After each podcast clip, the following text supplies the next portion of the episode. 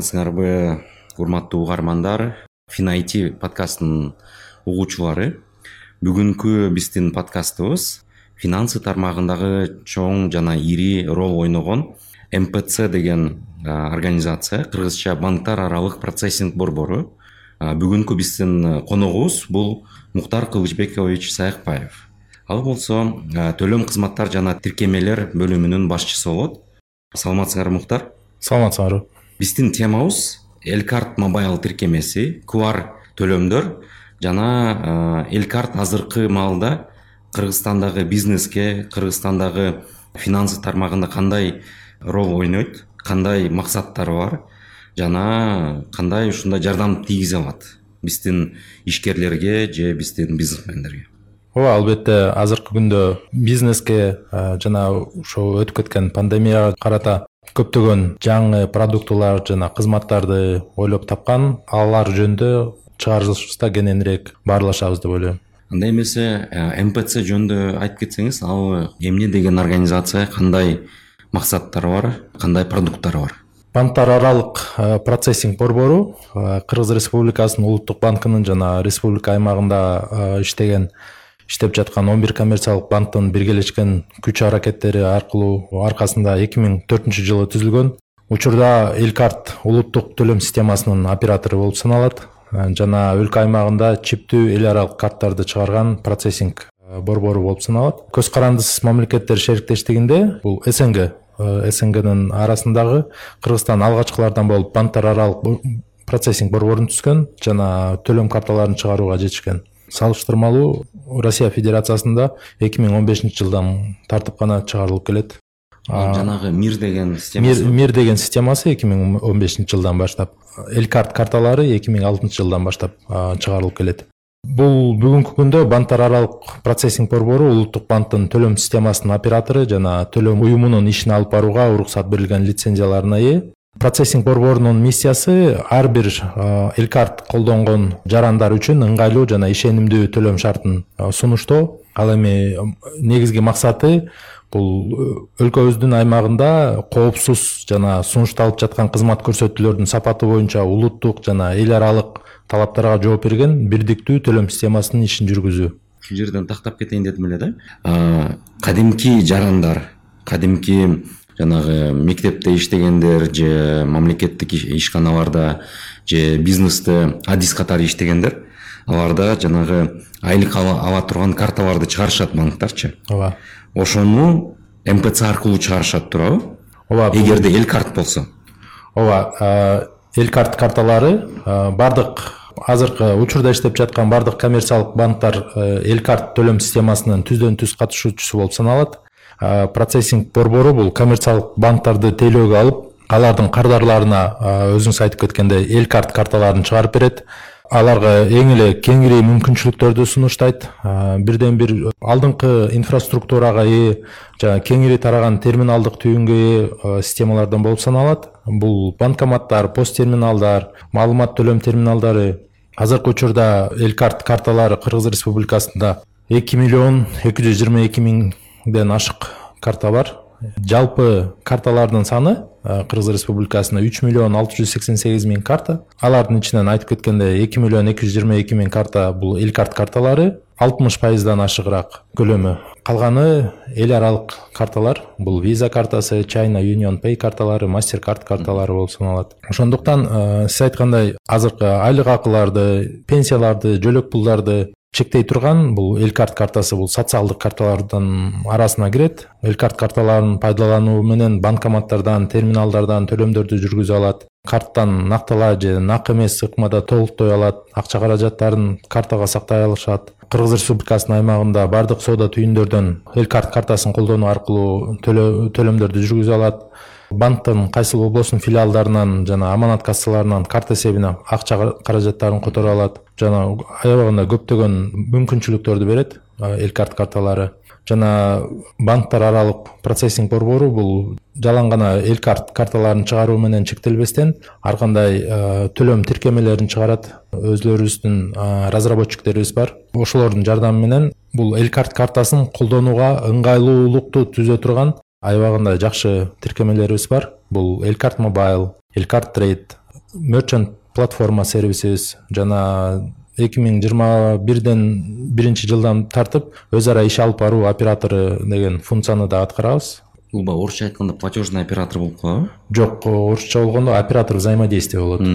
Бул оператор взаимодействия qr код аркылуу өткөн төлөмдөрдү процессинг кылуу негизи мпц бул ошо процессинг системасын колдойт да ошону устанавливать этип банктар аркылуу банктар кошулуп ошо процессингди жасайт туурабы ооба анда азыркы маалда силердин роль андан да өсүп куар деген негизи аябай оңой анан кандай десем айти жагынан кызыктуу нерсе да негизи ошо бизнесмендерге мпц кандай жардам бере алат ошол жөнүндө анда татаалыраак сүйлөшсөк э ооба бул азыркы учурдун тренди же популярный тенденциясы. тенденциясы деп айтсак болот бул qr кодду qr коддор азыркы күндө аябаган кеңири тараган. Qr коддун пайда болуу тарыхына кайрылсак бир миң тогуз жүз токсон төртүнчү жылы биринчи qr код жана машиналар чыгарган тойота тутумунда денсо деген заводунда пайда болгон экен.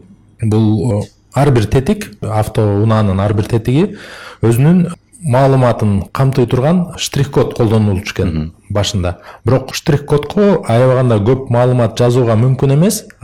Машиналардын автоунаалардын көптөгөн модельдери чыкканына байланыштуу параметрлер көбөйүп параметрлер көбөйүп көбүрөөк маалыматты камтый турган бир ченем ойлоп табуу зарылчылыгы келип чыккан. Ошондо масахира хара аттуу кызматкер ачык код менен го оюнун колдонуп ошонун параметрлерин колдонуп стратегиялык түрдө тактап ак кара ак кара болгон коддор болуп калат да коддорду таштарды жайгаштырып ошондой qr кодду ойлоп тапкан технология болсо эки миңинчи жылдан баштап гана кеңири тарай баштаган. Мобилдик телефондор мобилдик телефондор эки миң эки эки миң үчүнчү жылдардан qr коддорду окуй турган технологияны камтып чыгарыла баштаган. Башында мобилдик телефондорго атайын тиркемелер керек болгон болсо кийинчерээк э, азыр камеранын ичинде бар. э, кийинчерээк телефон чыгарган э, өндүрүүчүлөр камерага эле ошол технологияны камтып камера аркылуу эле окуй тургандай кылып коюшкан. Азыркы күндө ар бир адам эле өзүнө qr кодду оңой эле жаза алса болот түзүп алса болот. Qr коддор э, кеңири колдонулат бул рекламаларда колдонулат э, ар бир э, товарда продуктыларда колдонулат. Биздин кыргыз республикабызда дагы могу бишкек шаарындагы эстеликтерге дагы искусство тармагында искусство тармагында дагы эсте kg сайты болсо керек ошол жерде дагы аябагандай кеңири колдонулат. Бул бир бир гана кичинекей э, төрт бурчтук qr коддун ичинде абдан көп маалыматты камтыса болот. Ошондуктан биз дагы тенденциядан артта калбай финансы тармагында финансы тармагында дагы э, кеңири колдонуп баштадык. Биздин элкарт мобайл мобилдик тиркемебиз бар. Бул мобилдик тиркемеде ар бир элкарт картасынын колдонуучусу э, картаны оңой эле туташтырып абдан көптөгөн кеңири мүмкүнчүлүктөргө ээ болот. Бул төлөмдөрдү биринчиден бул өзүнүн картасына күнү түнү колдоно алат. Баланстарды көрө алат. баланстарды көрө алат картаны колдонот төлөмдөрдү дароо ишке ашырып картанын номери аркылуу же телефондун номери аркылуу же qr код аркылуу акча которо алат тез жана ыңгайлуу.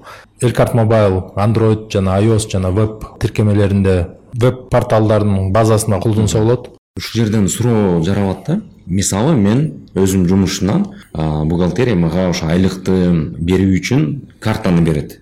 Же айтат бул банкка барып туруп карта эл карт картаны аласың депчи. Анан ал банктын өзүнүн да тиркемеси бар экен да.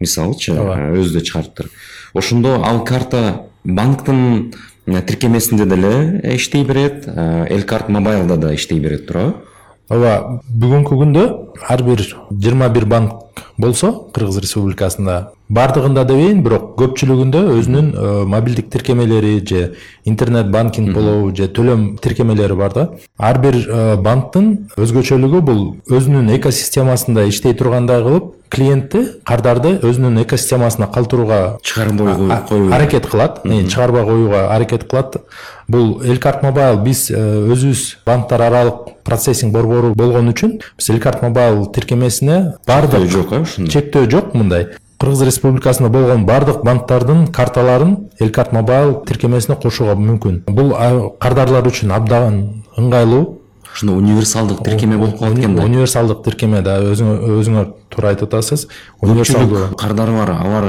бир жаман эле бир банкта тээленбейт да. Эки үч банкта счеттору бар же картасы бар да. Анан менде эки үч банктын эл карты бар болсо мен эл карт мобайлды ачып эми мен өзүм деле колдоном башка биздин угуучуларга айтсак алар ошону билбесе эл карт мобайлды жүктөп алып үч картаны эл карт мобайлга кошуп бир тиркемеден эле көрүп турат балансын.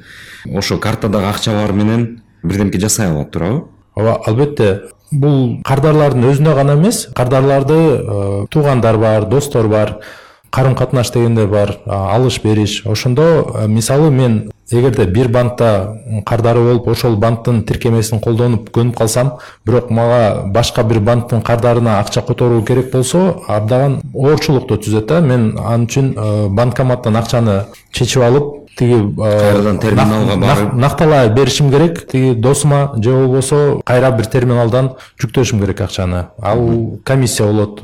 Акчаны чечип алганда комиссия төлөө убакыт да кетет. Анын ордуна бул эл карт мобайл тиркемесин колдонуп мен өзүмдүн картаман эч кандай эч жака чыкпай эле моменталдуу көз ирмемде акча которо алам башкаларга. Жанагы телефон номер аркылуу акча которсо болот деп атасыз ошол технологиясы кандай иштейт бул телефон номер аркылуу негизи эле эл карт мобайл тиркемесине телефон номер аркылуу катталса болот. Негизи акча алуучу ал да эл карт мобайлды жүктөп алыш керек. ал дагы акча алуучу ал дагы эл карт мобайл колдонуучусу болушу керек. Ошондо тиркемеден акча которуу функциясын тандап номерин жазып же болбосо телефонный справочниктен эле номерин тандап алып өзүнүн контакттарын өзүнүн контакттарынан эле өзүнүн кишинин номерин таап ошол кишиге тиешелүү сумманы жөнөтө алат бул жакшы экен да мен анын картасынын номерин ошол параметрлерди билбей эле бирок мен билем анда эл карт мобайл бар. Мен ошо номерине эле жиберип коем акчаны а эл карт мобайл уже өзү ошол бэкэндте дегендей керектүү процедураны жасап анын балансына менин картамдан акчаны которуп коет туурабы. Албетте. Эл карт мобайл айтып кеткендей телефон номер гана эмес башында сөз классикалык qr код qr код qr код аркылуу дагы которсо болот бул qr код аркылуу которуу бул э, төлөм ссылкасы деп коет платежная ссылка орусча айткандай программисттер айткандай диплинк экен да? Э диплинк деп коет ичинде ошо бүт закодирован.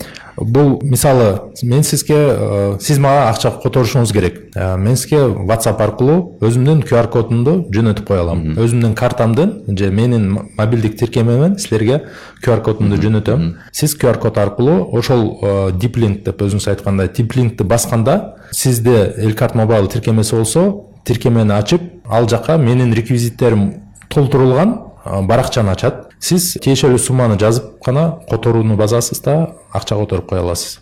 Сонун экен бул өтө ыңгайлуу. Ушул сыяктуу эле эл карт трейд тиркемеси бар.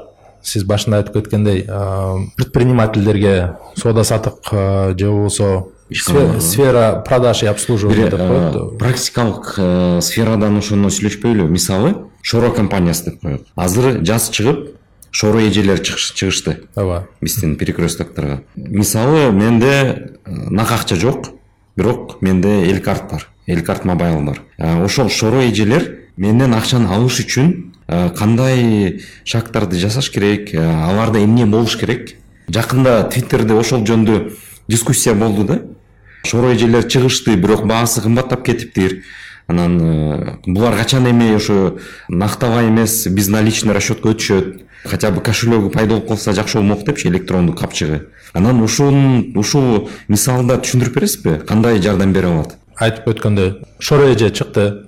Шоро эжеде товарлардын бир алты түрү бар.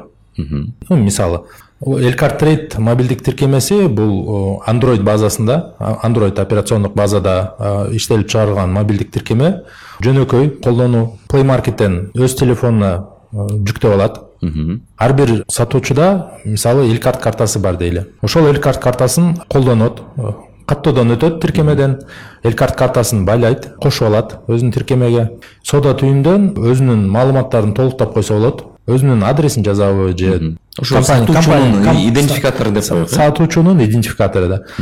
Анан э, ошол эң жөнөкөй процедураны кылгандан кийин эле э, телефондун экранында qr код пайда болот бул qr код эженин картасына байланыштуу qr код болот.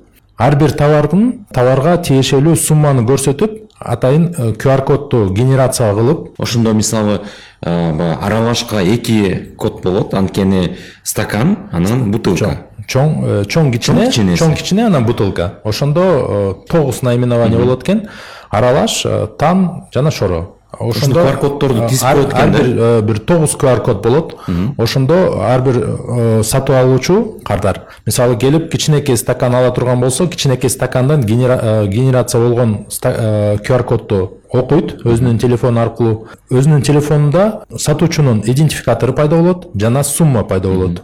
Ал көрүп турат эмнени сатып алып ал атканын эмнени көрө- э, эмнени сатып ала турганын көрүп турат дагы төлөмдү басат төлөмдү басары менен сатуучуга дагы сатып алуучуга дагы пуш Билдирүү келет, пуш билдирүү келет моменталдуу сатуучу эже көргөндөн кийин пуш билдирмени товарды кое бере берсе болот акча түштү деп акча акча түштү деп моменталдуу акча түшөт и товарды жөнөтө берсе болот ошондой эле ушул шоро шоро сатуучулардын мисалында баардык сатуучуларга Магазиндер, магазиндер фаст фуд кардарларды тестөөлөө талап кылган точкалардын баардыгы тең. Ошол qr кодду колдонсо болот чоңураак магазиндерде мисалы глобус же фрунзе народный э, соода тармактарында merchant платформа деген кызматыбыз бар. Бул деле qr код генерациялоо сервиси болуп саналат кызматы элкарт трейдтен айырмасы бул merchant платформа кызматын кассалык программа менен же болбосо интернет сайт менен интеграциялоо керек анткени учеттук Учет- системаларда учеттук системага да учеттук системага интеграция болуш керек. Товарлардын наименованияларын товарларды өткөргөндөн кийин жалпы сумма чыгат. Ошол жалпы сумманы qr код аркылуу көрсөтсө болот кардарга бул merchant платформа кызматы болуп саналат. Аякта штучный товарды эмес бир э, корзинага товарды киргизип бир суммага квар чыгара алат экен да ошондой э? Ооба. Бул элкарт трейд эгерде чекене төлөм соода түйүндөрүнө керек болсо мисалы анчалык көп эмес товарларга. Кафелерге? Э, кафелер деле merchant платформаны колдонсо болот. Анткени ал, деле ал жакта чыгарат. тамактардын атына о, жалпы бир счет чыгарылат. Бул элкарт трейд мисалы штучный жолдо э, кетип баратканда мисалы көп көрүп каласыздар балким алма сатып туруп калышат э, же балык сатабы бирок бул э, жеке ишкерлер өзүнүн кичинекей товар м, кичине э, кичинекей ассортименти менен соода кылган кишилер үчүн пост терминалдын коюу кереги моно жок товар болуш керек экен да бир э, эже деп коелучу же бир кыз турциядан балдардын кийимин алып келишет Э, анын эки үч түрү эле бар бирок постоянно ошону эле сатат анда ошол э, элкарт трейд ага ыңгайлуураак болот экен да? Ооба ал ал үчүн ал банкка барат э, эл карт картасын алат. Э, өзүнүн телефонуна жүктөп алат тиркемени. Qr кодду өзүнүн qr кодун кагазга чыгарып бир жакка чаптап койсо болот. Магазиндин ичинде. Кишилер кардарлар товардын сатып алгандан кийин qr кодду келип сканерлеп тиешелүү сумманы өткөрүп койсо болот. Эгерде тиги шоро эжелерге кайрадан кайрылсак элкарт мерчант платформасы. Айтып атпайсыңарбы учеттук системага аны байланыштырыш керек депчи. Элестетели ошол эжелерге э, карта ачпай эле ошол qr коддорду жасап ар кайсы товар деп коелук ушу тогуз товар же алты товар деп коелук э. Бирок ал эжелерде мүмкүн аларда смартфон жок. Да ошо тиркемени жүктөгөнгө. Бирок эгерде мерчант платформаны колдонсо qr кодду центральный офистен эле жасап чыгып ар кайсы точкага ар кайсы эжеге анткени ар кайсы эженин өзүнүн уникалдуу qr коду болот да ар кайсы товарга. ооба. анан кардарлар ошону төлөсө qr кодду сканировать этип. Төлөмдөр кандай десем бир централдык счетко түшө берет да анда мерчанттан туурабы. Туптуура merchant платформаны колдонгондо централдуу шоро компаниясынын э, эсептик счетуна түшөт баардык акча. Бирок э, бул жерден ыңгайсыздыгы шоро саткан эже акча түшкөнүн Түшкөн, түшпөгөнүн түшкөн түшпөгөнүн билбей калат. Ошондуктан элкарт трейд тиркемесин колдонгондо моменталдуу билип турат. Ар бир э, соода кылган ар бир саткан товардын. Бул э, merchant платформа мисалы куликовский магазинде колдонсо болот. Э, магазинде кассалык программа бар. Ал жерден көрүп турат системага төлөм өткөндөн кийин эле билдирме келет төлөм түштү деп. Ошондо ал товарды кое бере алат. Элкарт трейдте телефонго келиш керек анда баягы операциялардын объемунда азыраак кезинде элкарт трейд э, оңураак болот экен э ооба албетте. Сайттар жөнүндө сүйлөшөлү мисалы биз азыр мындай оффлайн точкаларды сүйлөшүп атабыз да ошо элкарт трейд элкарт мерчант кандай колдонсо болот деп. Эгерде менде бир интернет магазин ачтым деп коелук ал жаман гана ошо сайт аркылуу эле иштейт мен э, сайттын кодуна ошо элкарттын атайын бир плагин болобу же атайын бир э, интеграциясын кылышым керек.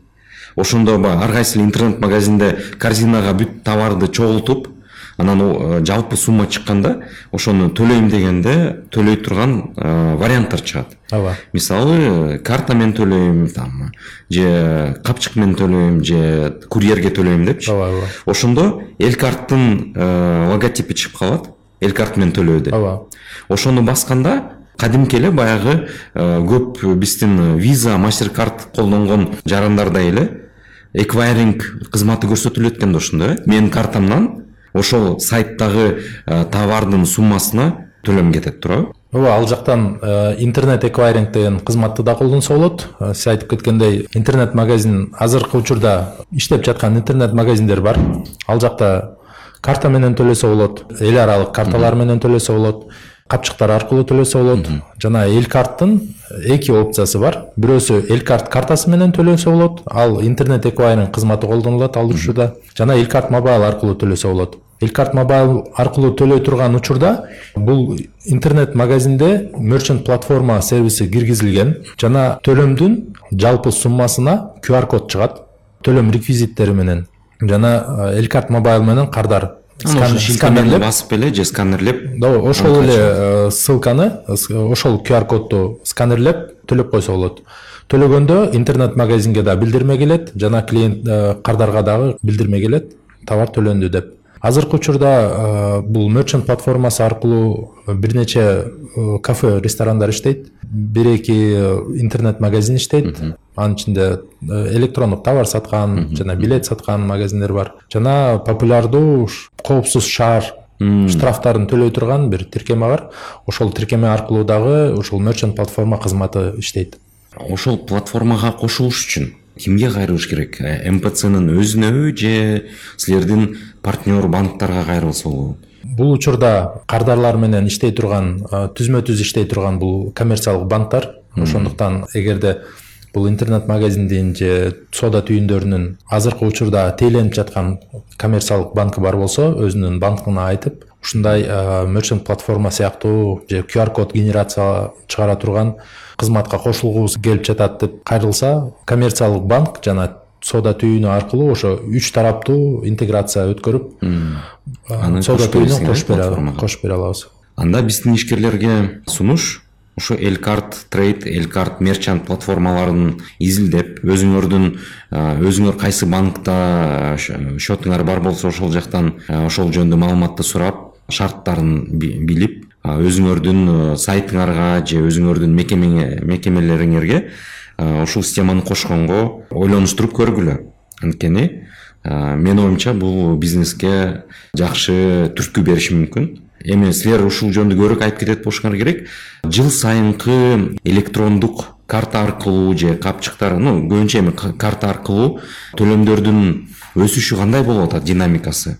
Жалпы система эмес мен элкарт мобайл тиркемесинин көлөмдөрүн айтып кетейин мисалы айтсак колдонуучулардын саны жыл сайын жүз жүз элүү миңге жакын адамдарга көбөйөт жыл сайын көбөйүп жатат жыл сайын көбөйүп жатат ал эми төлөмдөрдүн саны негизи төлөм жана акча которуулардын саны мисалы эки миң жыйырманчы жылы төрт миллиард сомдон ашык болсо эки миң жыйырма биринчи жылы он миллиард сомдон ашык төлөмдөр өткөн.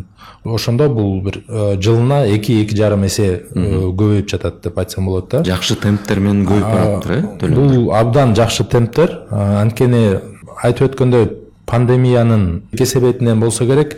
Көбүнчө адамдар контактсыз онлайн аралыктан төлөө инструменттерин тандап жатышат ошондуктан бул тиркемелердин популярдуулугу да жогору деп айтсам болот да. Айтор виза мастер карт бир маалда көп банктарда paywave системасын киргизип баштады. Жанагы nfc чип менен. Мен уккандай эл карттын да nfcси чыкты туурабы. Албетте биз эл карт системасынан эки миң жыйырма биринчи жылдан тартып эл карт nfc карталарын чыгарып баштадык. Азыркы күндө эл карт nfc карталары баардык банктарга жеткиликтүү. Жана кыргыз республикасында болгон баардык банкоматтар пост терминалдар соода түйүндөрү ушул эл карт nfc карталарын дагы тейлей алат тейлөө мүмкүнчүлүктөрү бар. Бул эл карт nfc карталарынын дагы бир өзгөчөлүгү бул карталар эл карт мир системасы менен э, биргеликте чыгарылган. Ошондуктан э, мир системасына жеткиликтүү баардык инфраструктуранын ичинде бул биздин эл карт карталары дагы колдонууга мүмкүнчүлүк бар. Мисалы мисалы россияга барып мисалы колдонсо болот экен да? да.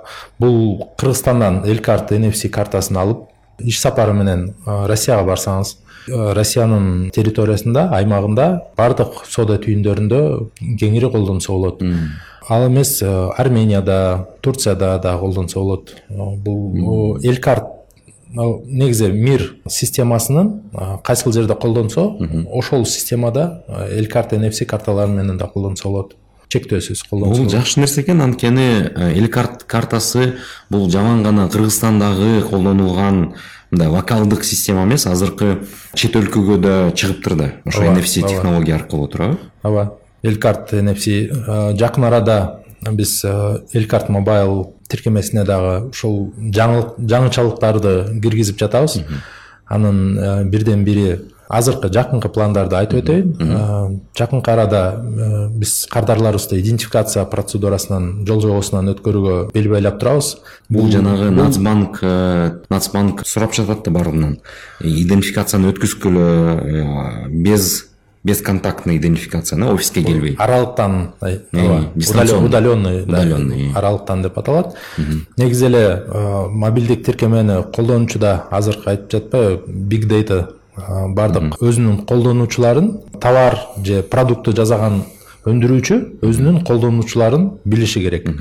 Бул бирден бир талап. Анткени биз кайсы кардар кандай кызматтар менен көбүрөөк колдонот кандай учурда кандай ыңгай сызыктары пайда болгон кандай продуктыларды каалап жатат дагы кийинки пландарга эмнени чыгарышыбыз керек? Ошолорду дагы анализдөө үчүн идентификация бул адамдардын э, идентификациялык персоналдык өздүк маалыматтарын чогултуу болуп саналат.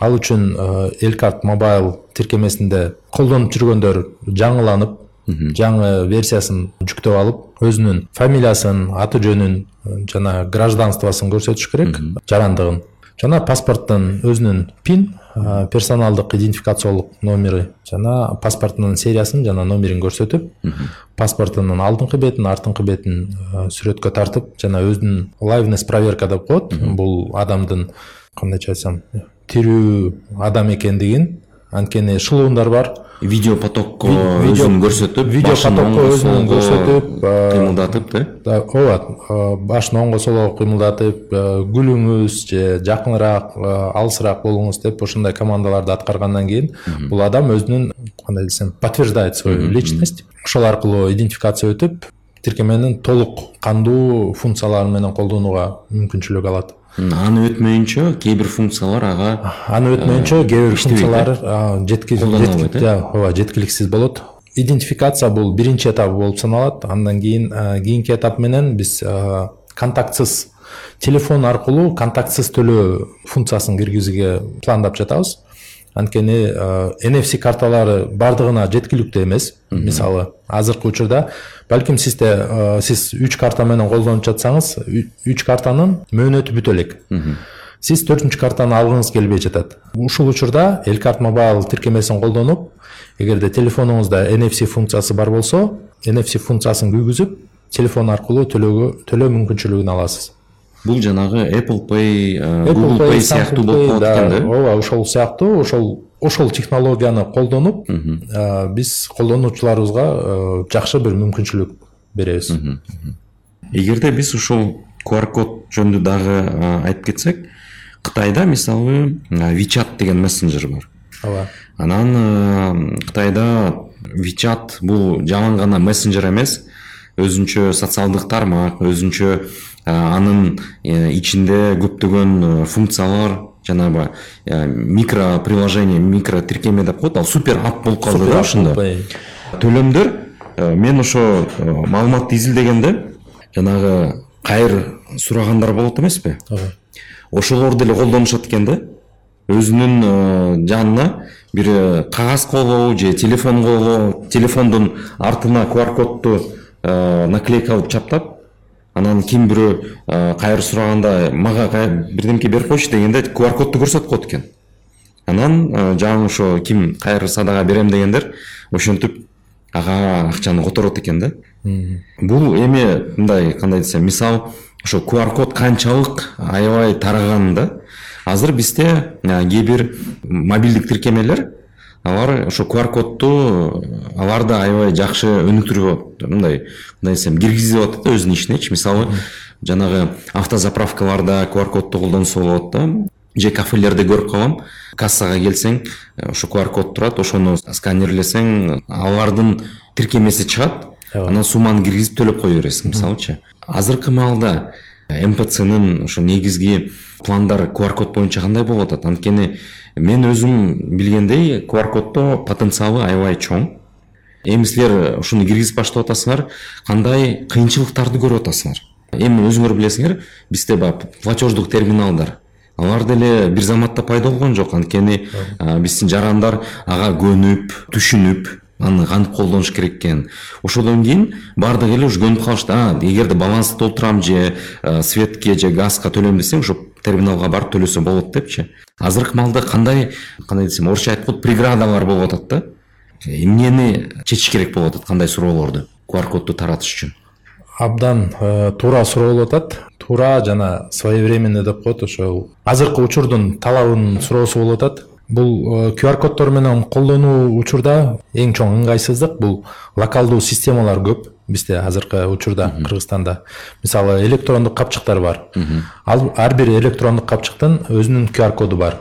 Ал qr код өзүнүн системасында гана иштейт.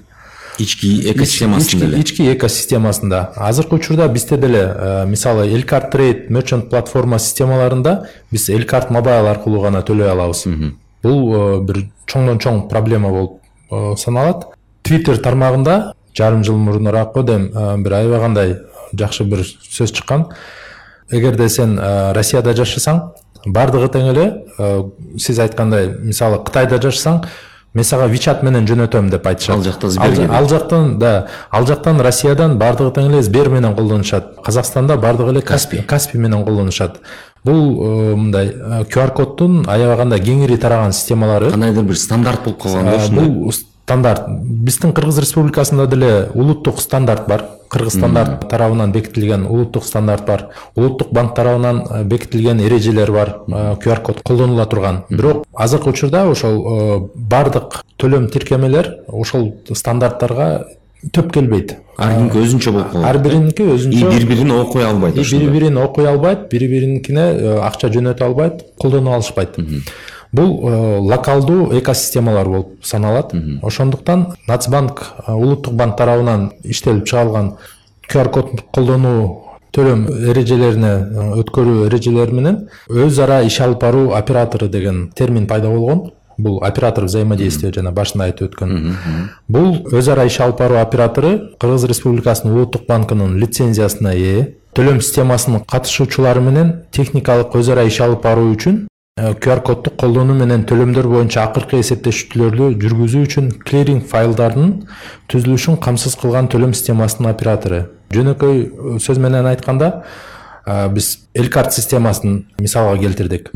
Баардык банктар элкарт системасын колдонушат элкарт карталарын чыгарышат бирок бири бирине акча жөнөтүшөт бири бирине акча жөнөтө алышат. Бирок ошол системанын баардыгы тең банктар аралык процессинг борбору аркылуу өтөт. Биздин системада баардык банттар кошулган жана ошол банттардын арасында биз төлөм жүргүзүү мүмкүнчүлүгүн берип жатабыз.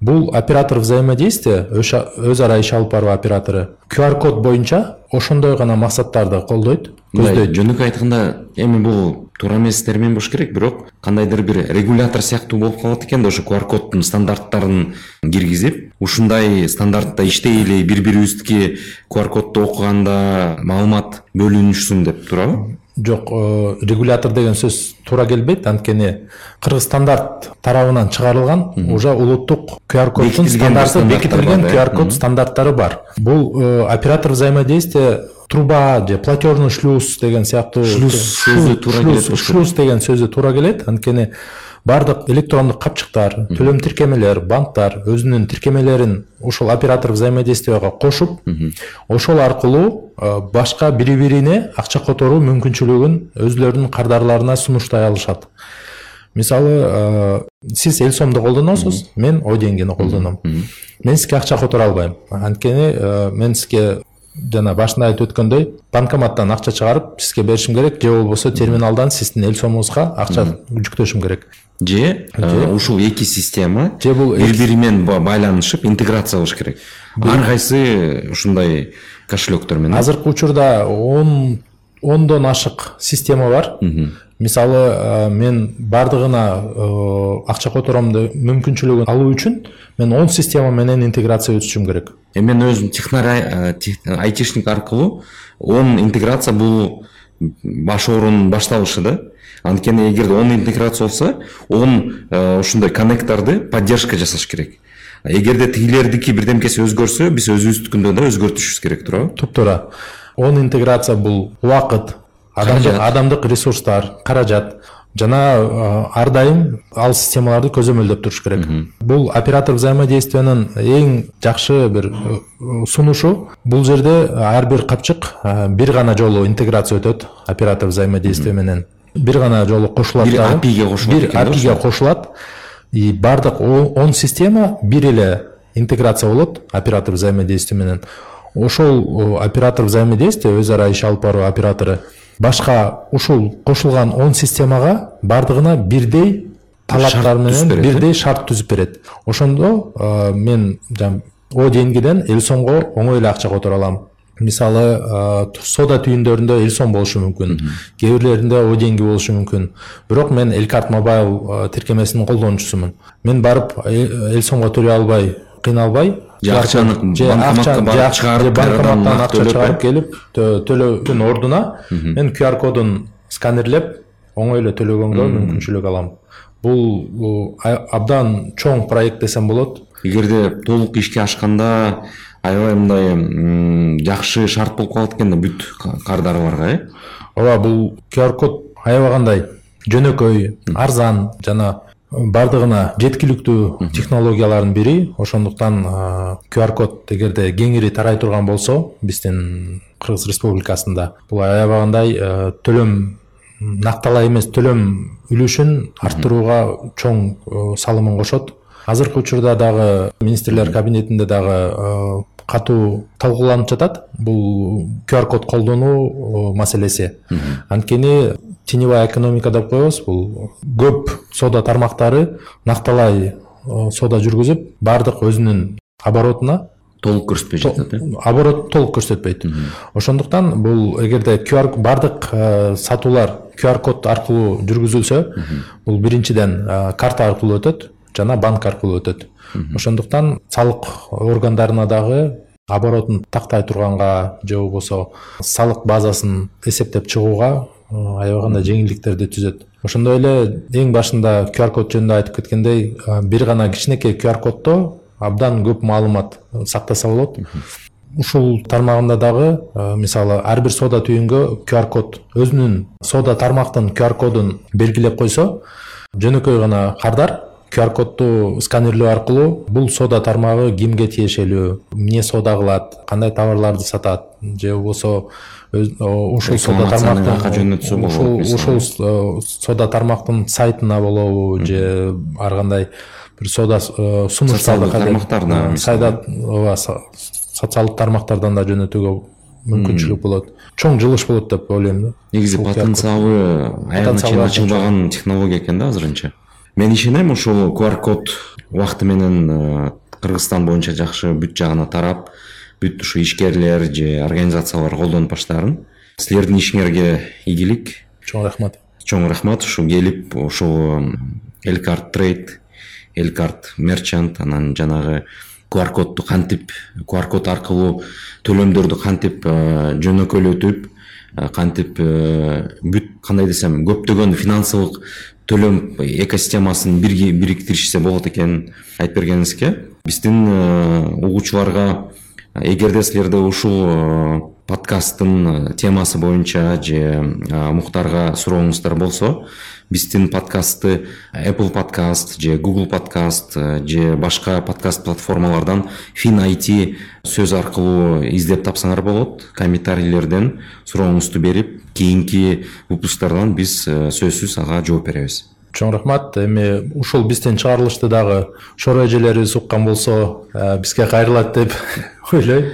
Эми албетте кайрылса э, көп э, биздин жарандарга да оңоюраак болмок алар сдачаны издеп таап жүрбөй. Нак точно точно төлөм төлөмдөрдү алып мүмкүн ошол да жакшы мындай сунуш болмок шоро компаниясына. Азыркы учурда биз дагы министерство жана ведомстволор менен тыгыз иш алып барып жатабыз. Жакынкы учурда дагы ошол баардык мамлекеттик төлөмдөрдү мектепке төлөм болобу же бала бакчасына төлөм болобу же мисалы наконец то безналичный платеж пайда болот экен да буюрса анда ооба больницаларга барсаңыз э, же болбосо светке төлөйсүзбү эми баардык мамлекет менен байланышкан. Ооба жарандар кайсыл жакка кайрылбасын э, көп жерде накталай нак акчаны сурашат ошол ошолорду биз э, четтетип qr код аркылуу төлөсө деп иш аракеттерибизди алып барып жатабыз.